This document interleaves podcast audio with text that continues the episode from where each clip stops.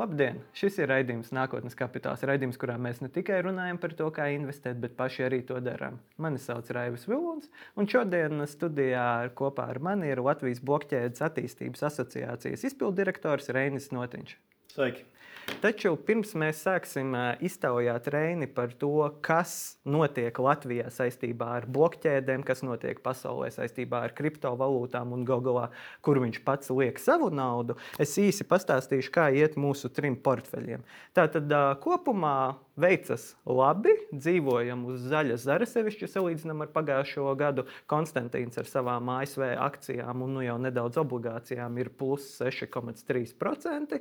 SEB robo investors uzvar parāda, ka ieguldījumi ETF-os nebūtu nav tas neizdevīgākais vai ar mazāko atdevi ieguldījums - 10,7%. Kamēr man, principā, pamatā pateicoties kriptovalūtam, bitkoinam, esmu pie 8,04%. Pirms tam bija ap 10%, bet nu, tagad ir pakrities uz leju, jo bitkoina ETF entuziasms sāk rukt. To arī saka starptautiskie dati.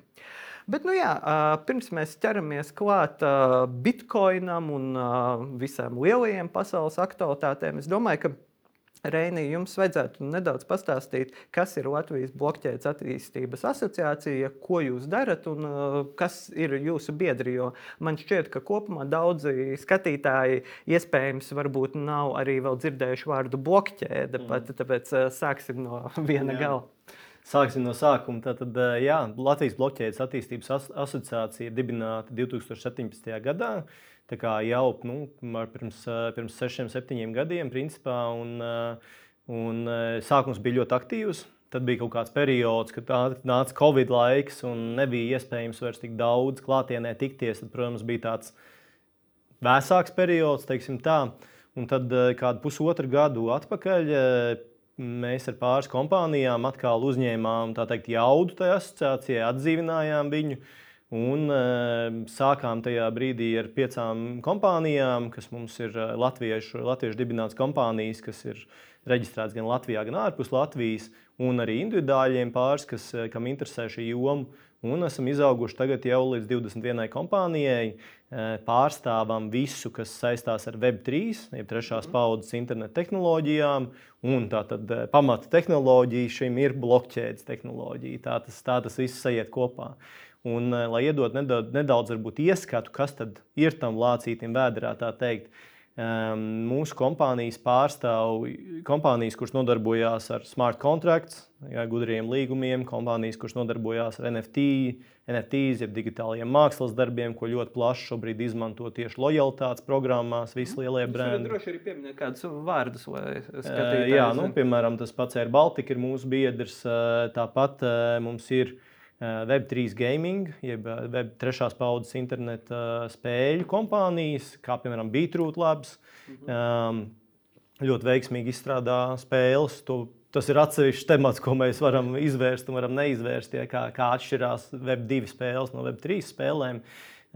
Divos vārdos sakot, piemēram, Web3 spēles dod iespēju tiem, kas veido saturu, pašiem arī nopelnīt no tā. Mm. Tad, ja tu spēlē aktīvi un citi skatās, tad tu arī dabūni atpakaļ teiksim, par to, ka tu veiksmīgi spēlē šīs spēles. Tad mums ir arī kriptovalūta, protams, kompānijas, un te ir jāmin tādi spēlētāji kā Gravity Team, protams, kas nodrošina pasaules tirgos līdzsvarus, jeb principā balansē kriptovalūtu tirgus. Uh, Eh, nodrošina likviditāti šajos tirgos un tā tālāk. Tad, tad viņi neizdod savu koinu, kaut kādu savu valūtu, ja, bet viņi strādā ar lielajām biržām, ar Binance, ar Coinbase un tā tālāk.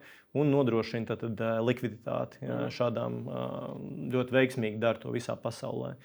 Tāpat mums ir arī um, dažādi citi biedri, gan Latvijas kompānijas, gan nu jau parādās kompānijas, kas nāk no ārzemēm iekšā. Mums nesen pievienojās viena kompānija no Austrijas, kas ir Austrijā dibināta un atver Latvijā tagad meitas uzņēmumu un ies arī uz Mika licenci. Droši vien Mika mēs regulācijai mēs vēl pieskarsimies. Uh, Tāpat arī no Turcijas, piemēram, kompānija, kas arī kam interesē ienākt Eiropas tirgu, un viņi šobrīd redz, ka mēs to Latvijas vidi esam sakārtojuši tādā veidā, ka viņiem arī ir pievilcīgi nākt uz šejienu. Mm -hmm. Kā, nu, kāpēc, kā. kas ir tas, kas pie mums, nu, ok, mēs esam Eiropas Savienībā, tad Turcijai varētu būt nu, saprotams, kāpēc viņi varētu gribēt arī pieņemsim pie mums arī dažādas kaut kādas izmaksas, droši vien, kas rodas, un varbūt nav tik augstas, kā, piemēram, Vācijā izveidot mm. savu uzņēmumu vai uzņēmumu atzaru. Bet kas ir vēl tas, ko mēs esam, jo ir tā lieta, ka agrāk, nu, pirms desmit pusgadiem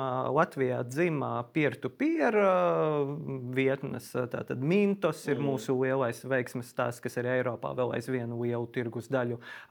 Tur Twino, un tad mums ir vēl vairākas citas. Tur mēs bijām priekšā. Mm. Bet tad mēs jau pirms raidījuma īsi runājāmies, ka pēdējos gados lietuvieši ir parādījuši savu uh, spēju piesaistīt Revolūts, uh, Binance, ir vēl dažādi citi uzņēmumi. Uh, ko, ko mēs darām un kas ir tas, kas uh, šiem austriešiem, turkiem un cerams, ka arī citiem patīk pie mums? Mm.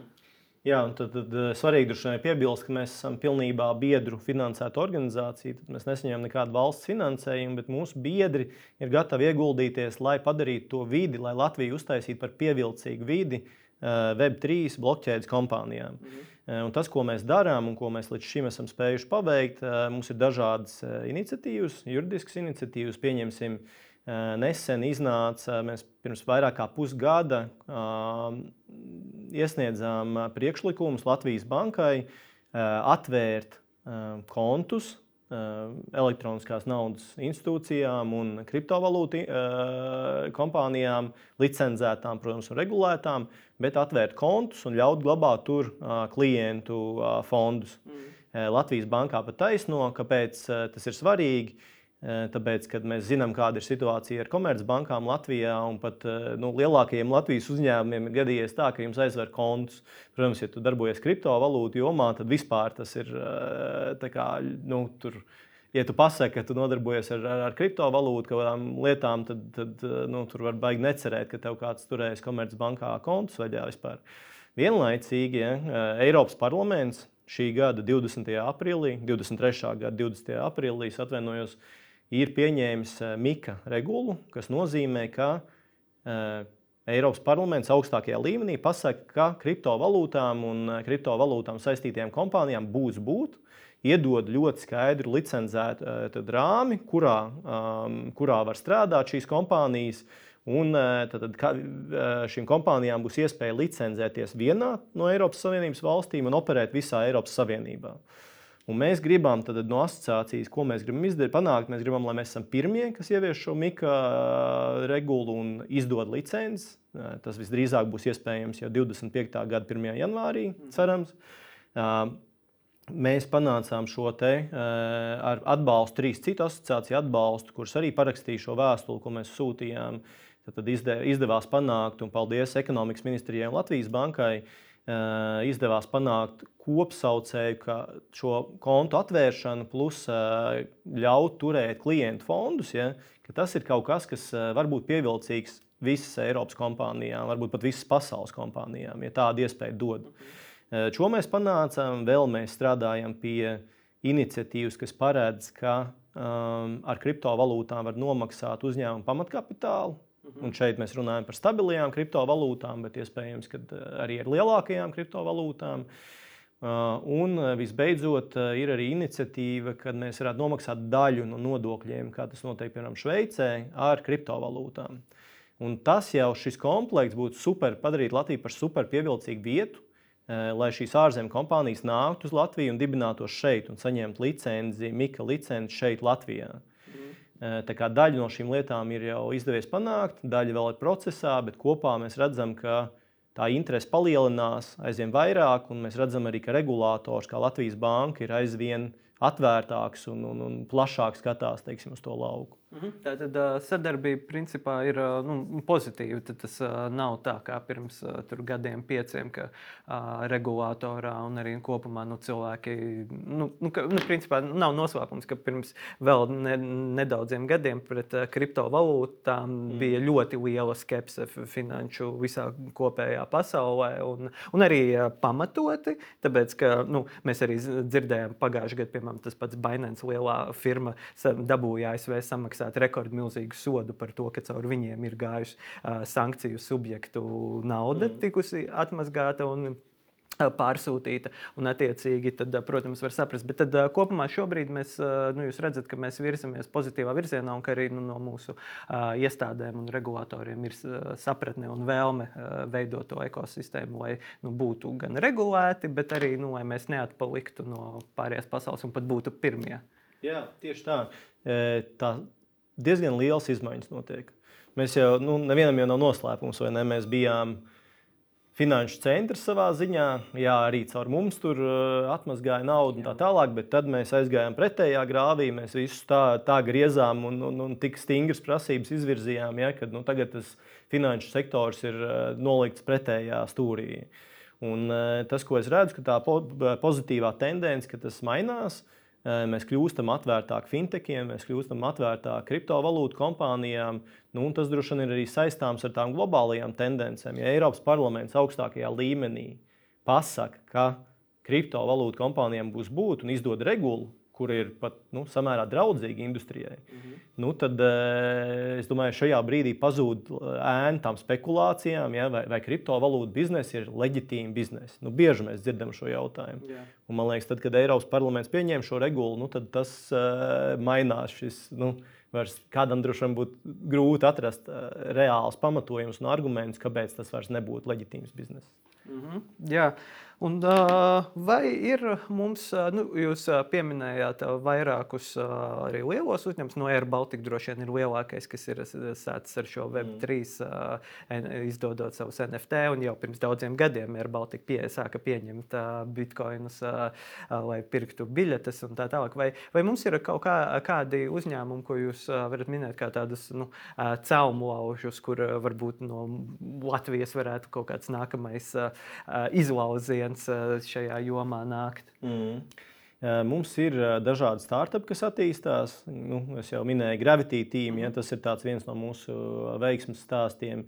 Ir tādas kompānijas kā Blockvis, kas ir nu, teiksim, tāds, kā, man patīk salīdzināt, kā mazs Accenture, tikai koncentrējās uz blokķēdes tehnoloģijām. Um, var minēt, nu, jā, ir, protams, korporāta mūsu lielais veiksmes stāsts ir Baltika, un tiešām viņiem ar šo Web3 lojalitātes programmu iet ļoti labi. Uh, pēc pēdējiem pētījumiem, ko viņi iekšēji veic, cik es saprotu, tad viņi ir spējuši palielināt ieņēmumus no lojāliem klientiem trīs reizes pateicoties šī NFT programmas ieviešanai. Uh, nu, kas man liekas ir izcils rezultāts. Um, kas vēl nāk, eh, nāk dažādi startupi, eh, dažādos lauciņos, piemēram, nu, tīri idejas padalīšos, lai, lai cilvēkiem ir izpratne.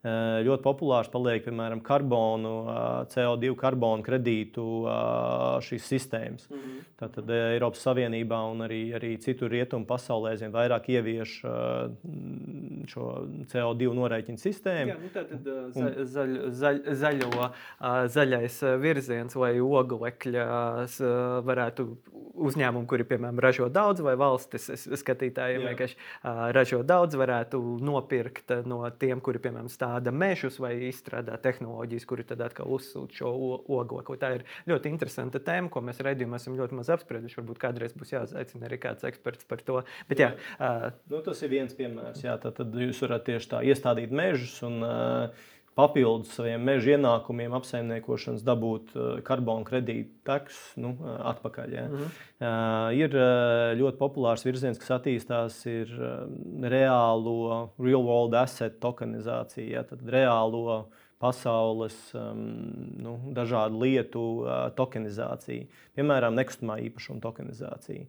Um, ja jūs gribat, lai nopirktu līdzīgi kā akcijas, mazu daļiņu no dzīvokļa kaut kur, tad šo ir ļoti vienkārši un, un, uh, un ērti izdarīt ar, uh, ar blokķēdes tehnoloģiju. Vai, piemēram, piesaistīt uh, investīcijas, piemēram, īres namam.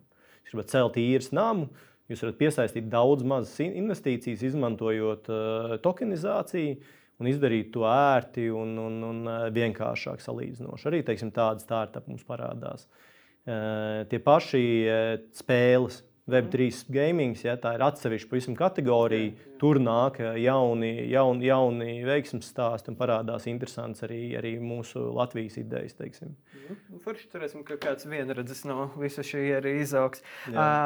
Vai pienāks diena, kad mēs Latvijā maksāsim ar kriptovalūtām un kad pienāk šī diena, jums būtu jāmin? Un tad mēs pasauksim Jā. pēc tiem gadiem jūs atpakaļ un, un prasīsim, kur ir.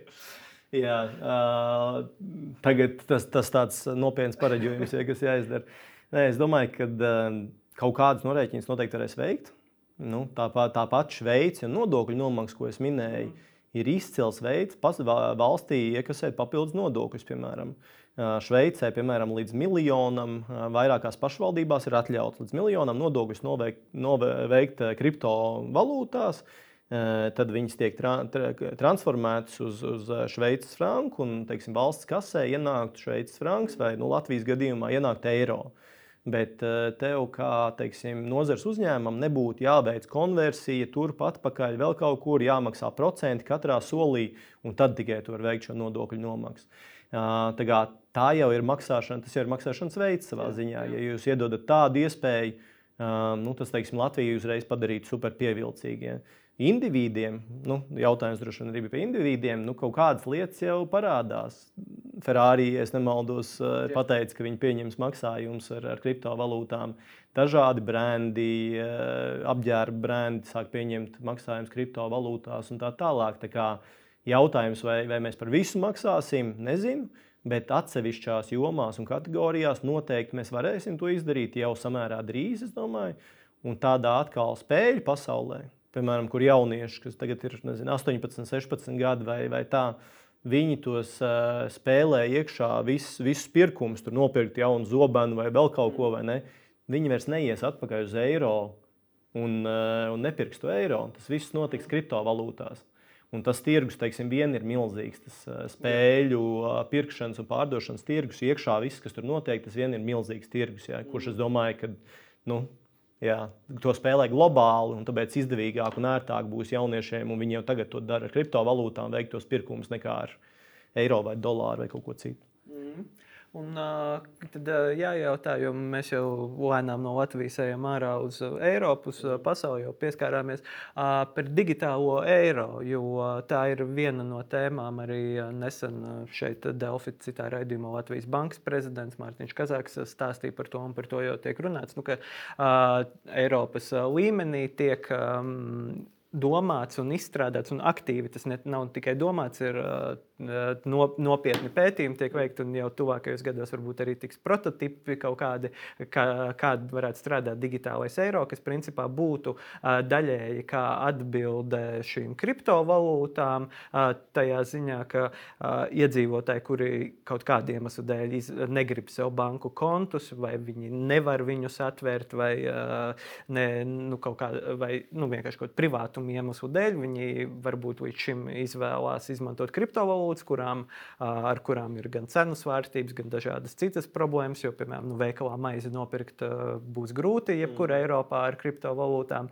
Un tad Eiropas komisija vēlas ieviest šo digitālo eiro. Kā jūs, kā nozares asociācijas pārstāvs, skatāties to? Tas ir komplementārs vai tas ir kaut kas, kas var aizstāt kriptovalūtas nu, kā maksāšanas līdzekli? Mm.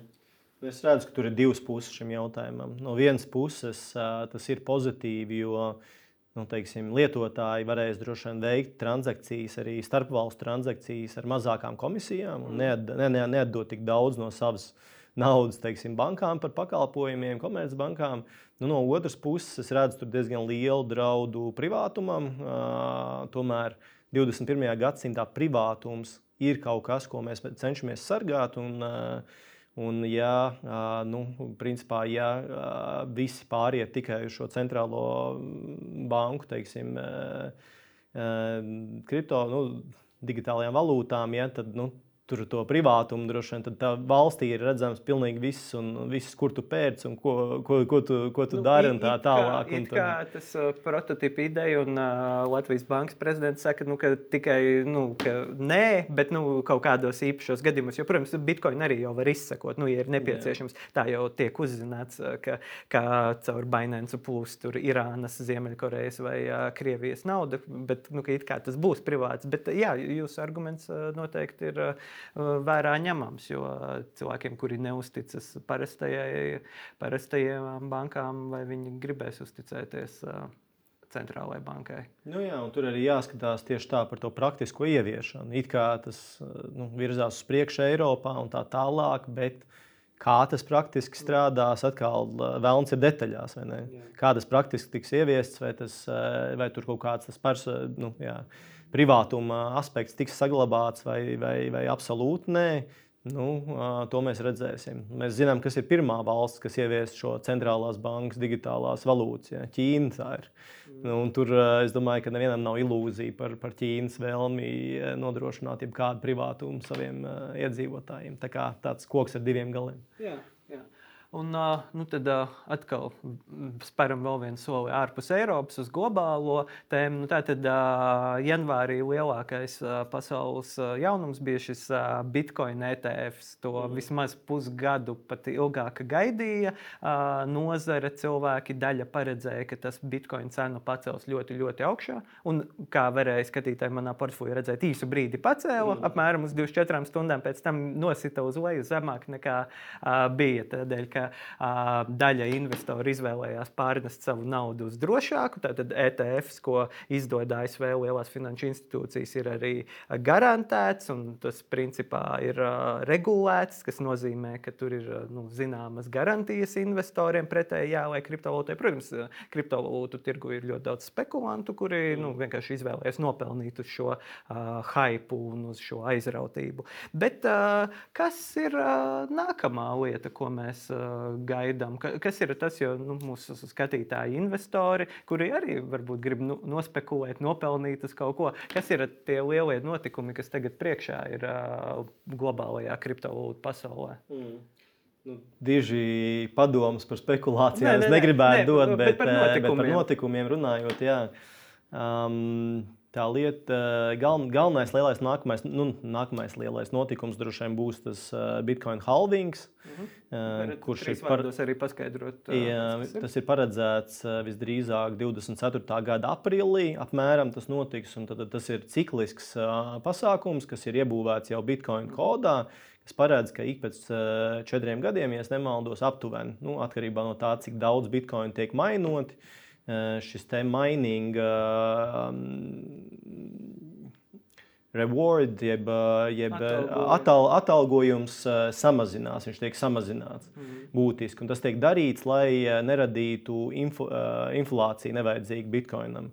Tad tas tiek darīts, nu, lai saglabātu nosacītu stabilāku to vērtību. Un katru reizi, kad šis halvings notiek, ka šie teiksim, atde, atdeve šiem bitkoinu mining nu, tiem cilvēkiem, kas izmanto tātad, datorsistēmas, lai main, mainotu, mainotu bitkoinus, tad šiem cilvēkiem tas it kā viņu rewards samazinās. Mm -hmm. Vienlaicīgi tas parasti novada pie cenas kāpuma, tas parasti tiek gaidīts šis pasākums. Un, uh, Nu, jā, droši vien tas ir kaut kas tāds, kas ir jāskatās, un, uh, un no tā arī izriet, izriet daudz citas lietas, kā tālāk uh, viss attīstīsies un, un, un, un, un kā tās cenu izmaiņas droši vien tālāk, tālāk uh, būs. Mm. Vai ir vēl kaut kādi notikumi, nu, kaut, kaut kur pasaulē, kaut kāda tālāka kriptovalūtu pieņemšana, iekļaušana? Vēl tiek runāts par to, ka varētu otrās populārākās kriptovalūtas Ethereum, ETF, ASV tikt apstiprināts, vai kaut kas vēl pie horizonta? Jā, tas rādās. ir vēl viens, par kuru mm. ļoti daudz runā. Pareizi jau, jau pieminējāt ETF, Ethereum, ETF apstiprināšanu. Nu, tur, ja par Bitcoin to ETF bija diezgan liela skaidrība, nu, jau tas konsensus bija noslēdzies, kad, kad jā, tu apstiprinās. Nu, par Ethereum grūti pateikt. It kā ir tiesu lēmumi, kas liecina par to, ka vajadzētu arī apstiprināt. kas ļaus atkal šiem lielajiem Amerikas investīciju fondiem investēt ne tikai Bitcoinā, bet arī teiksim, to darīt brīvāk Ethereum. Ja. Bet nu, es teiktu, ka vispār tās pāris lielās, lielās lietas, ko es pieminēju, tad, tad pagājušajā gadā, 20. aprīlī, pirms, pirms nu, astoņiem mēnešiem, Eiropas parlaments pateica gala vārdu, ka Eiropā būs regulēta, kontrolēta vide kriptovalūtu uzņēmumiem, milzīgs notikums, un tam mēs to attīstību tikai redzēsim. Tas atraisa rokas daudziem uzņēmējiem, Eiropā arī uh, izvēlēties šo teiksim, blokķēdes risinājumus, investēt tajā, piedāvāt uh, investīcijas, turēt varbūt kaut kādas rezerves uh, kriptovalūtās un tā tālāk. Tā tas jau pats par sevi akumulēsies. Tad šis otrs lielais notikums Eh, šis eh, Bitcoin ETF apstiprināšana Amerikā, pret ko ilgi, ilgi cīnījās pret. Nu, beidzot, tas notika. Ja. Apstiprināja, un tagad visi lielie Amerikas investīciju fondi, BlackRock, eh, Grayscale un tā tālāk, nu, visi iet iekšā, ja, investē. Um, būs halvings. Jā. Un Nu, tie arī droši vien ir tie galvenie nosacījumi. Tie, tie, tie, tiem būs nu, tāds plašs efekts. Es domāju, mm. viņi visu to tirgu un ne tikai būtiski virzīs uz priekšu. Jā, nu, ilg, ilgtermiņa sekas. Kā ir ar NFT? Pirms nu, jau vairāk kā gada pasaule pirka pērtiķu bildes par milzīgu summu. Uh, Pēc tam bija ziņas, ka vairāk kā 90% NFT ir teju bezvērtīgi palikuši pagājušajā gadā, kad kriptovalūta un vispār šī sektora cenas uh, nokritās ļoti, ļoti stipri. Bet tik un tā bija kaut kādi mākslinieki un kaut kādi, kuri tik un tā varēja ar to nopelnīt. Un, uh, tur es pats skatījos tajās NFT tirdzniecības vietās, ka tur tik un tā notika darījumi par pieklājīgām summām. Par, mm. nu, ja ir respektējams mākslinieks, ja ir aizmugurē vārds, tad nu, tas, tas jau tieši tāpat kā ar gleznām, ko mēs varam pie vecrīgas nopirkt, un gleznu, ko var nopirkt kādā starptautiskā izstādē par miljonu. Tur ir saistība ar to, kas ir to radījis, vairāk nekā varbūt dažkārt ar to mākslas darbu kvalitāti. Mm. Bet ko jūs domājat par NFT? Vai šis nu, spekulatīvais bildīšu burbulis ir beidzies un tagad NFT transformējas uz to, nu, to praktisko pielietojumu, ko jūs arī sarunas sākumā minējāt, ko ir Baltiks dara un arī citi? Vai mēs vēl varam redzēt kaut kādus cita veida um, burbuļus uh, uzpūšamies šajā jomā? Grūti pateikt. Um...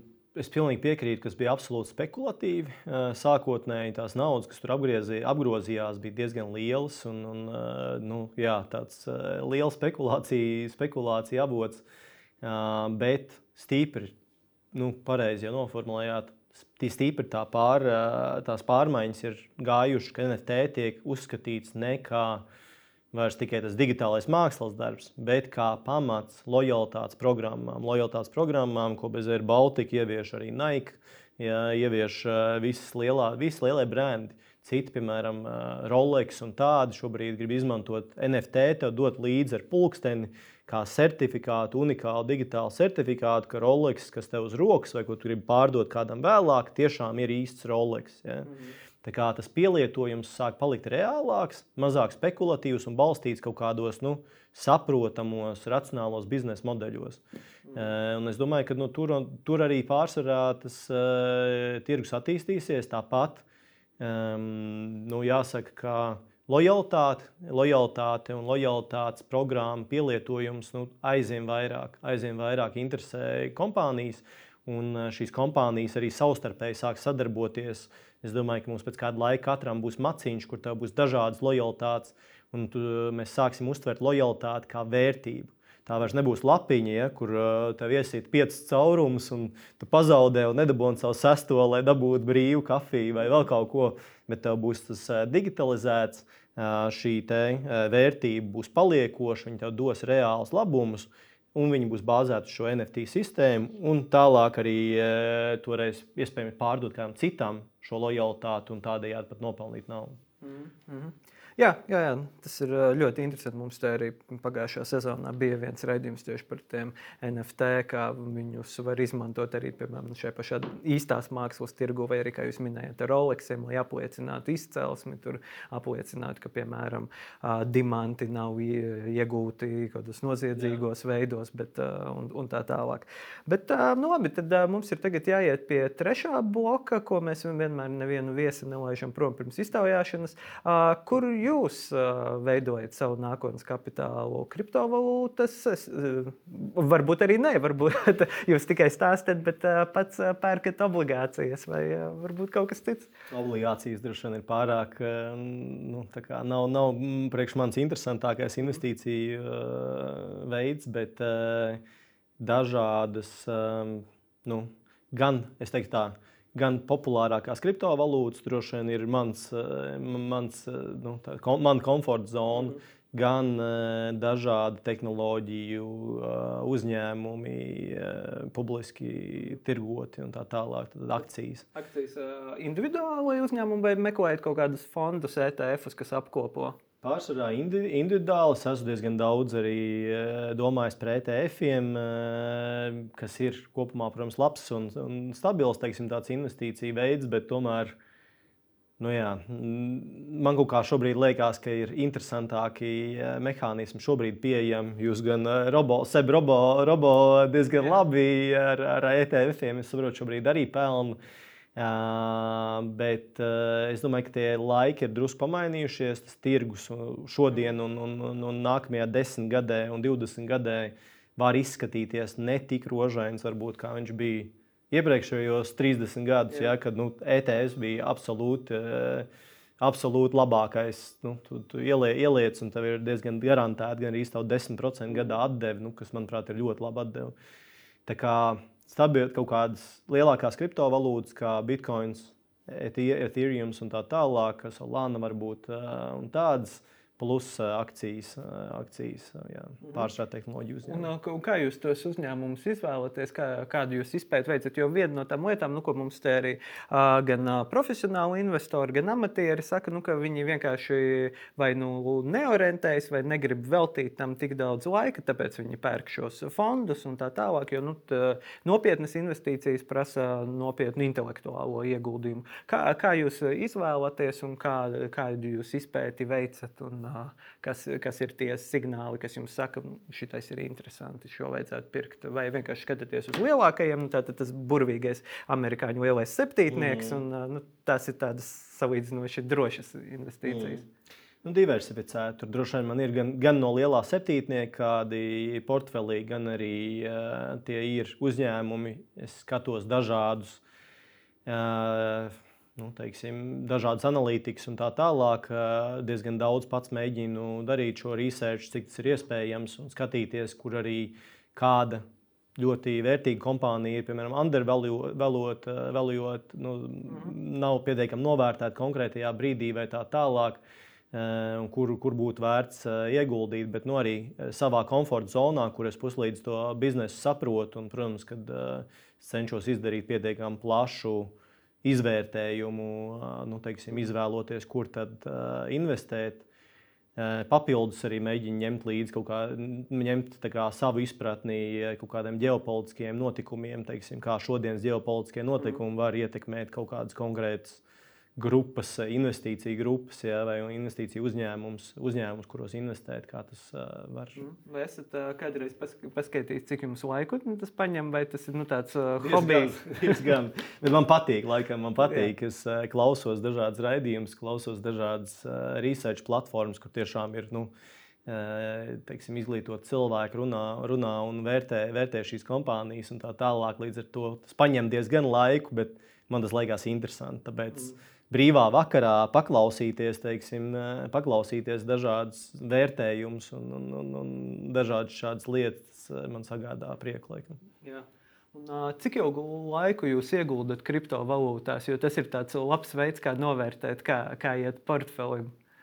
Es neieguldu ļoti daudz laika, godīgi. Nē, es domāju, es, es, kopš, nu, kopš, kad jūs pirmo, pirmo reizi, piemēram, nopirkāt bitkoinu vai atceraties? Pirmo reizi. Um, Negribu samelot, bet es teiktu, ka varētu būt kaut kāds 2018. gads. Tāds, tad, tad es pieņemu, ka jūsu kriptovalūtu portfels diezgan labos pulsos šobrīd, pieklājīgs.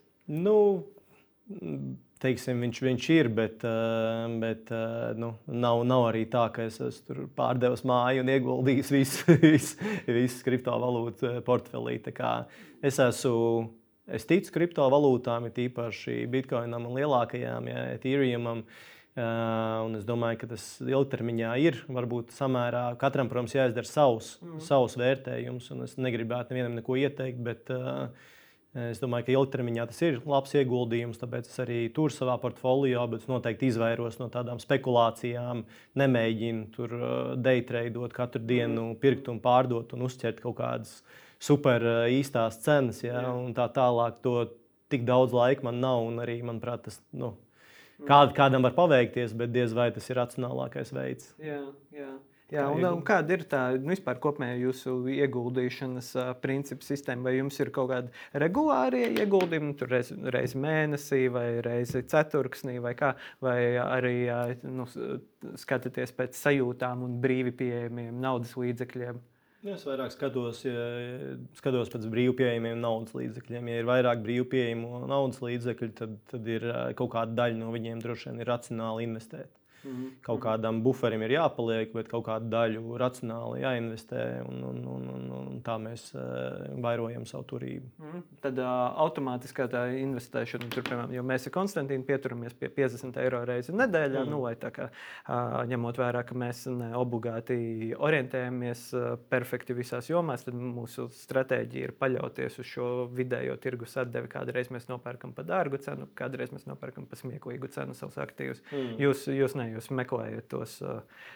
Nu, vai meklējat, vai arī kad ir, kad ir nauda un kad izskatās labs brīdis? Nu, es vairāk skatos pēc brīviem līdzekļiem. Ja ir brīvi mm. līdzekļi, tad es mēģinu viņus investēt kaut kur. Jā. Okay. Labi. Ar šo es arī teikšu jums paldies. Bija ļoti interesanti. Es ceru, ka skatītāji arī tagad ir uzzinājuši, ka mums Latvijā ir šāda asociācija, ka mums Latvijā ir uzņēmumi, kas strādā ar šīm jomām, ka potenciāli nu, tās ir manas spekulācijas, bet cerams, ka no tiem izaugs arī kāds vienredzis. Uh, jā, teikšu paldies Rainim. Paldies. paldies. Un uh, skatītājiem atgādināšu, ka mūs uh, skatīties jūs varat uh, gan Delfi TV, gan YouTube. Uh, klipus publicējam TikTok, Instagram, Facebook un kur tik ne. Un, protams, podkāstu formā jūs varat atrast mūs uh, Spotify un Apple podkāstos, kā arī, manuprāt, visās citās lielākajās podkāstu vietnēs. Un, ja jums ir kādi jautājumi, droši sūtiet uz nākotnes kapitāls at Delfi LV, un mēs centīsimies vai nu pajautāt kādam ekspertam, vai atrast kādas atbildes par finanšu tēmām un investīcijām. Paldies! Visu labu! Paldies! Visu labu!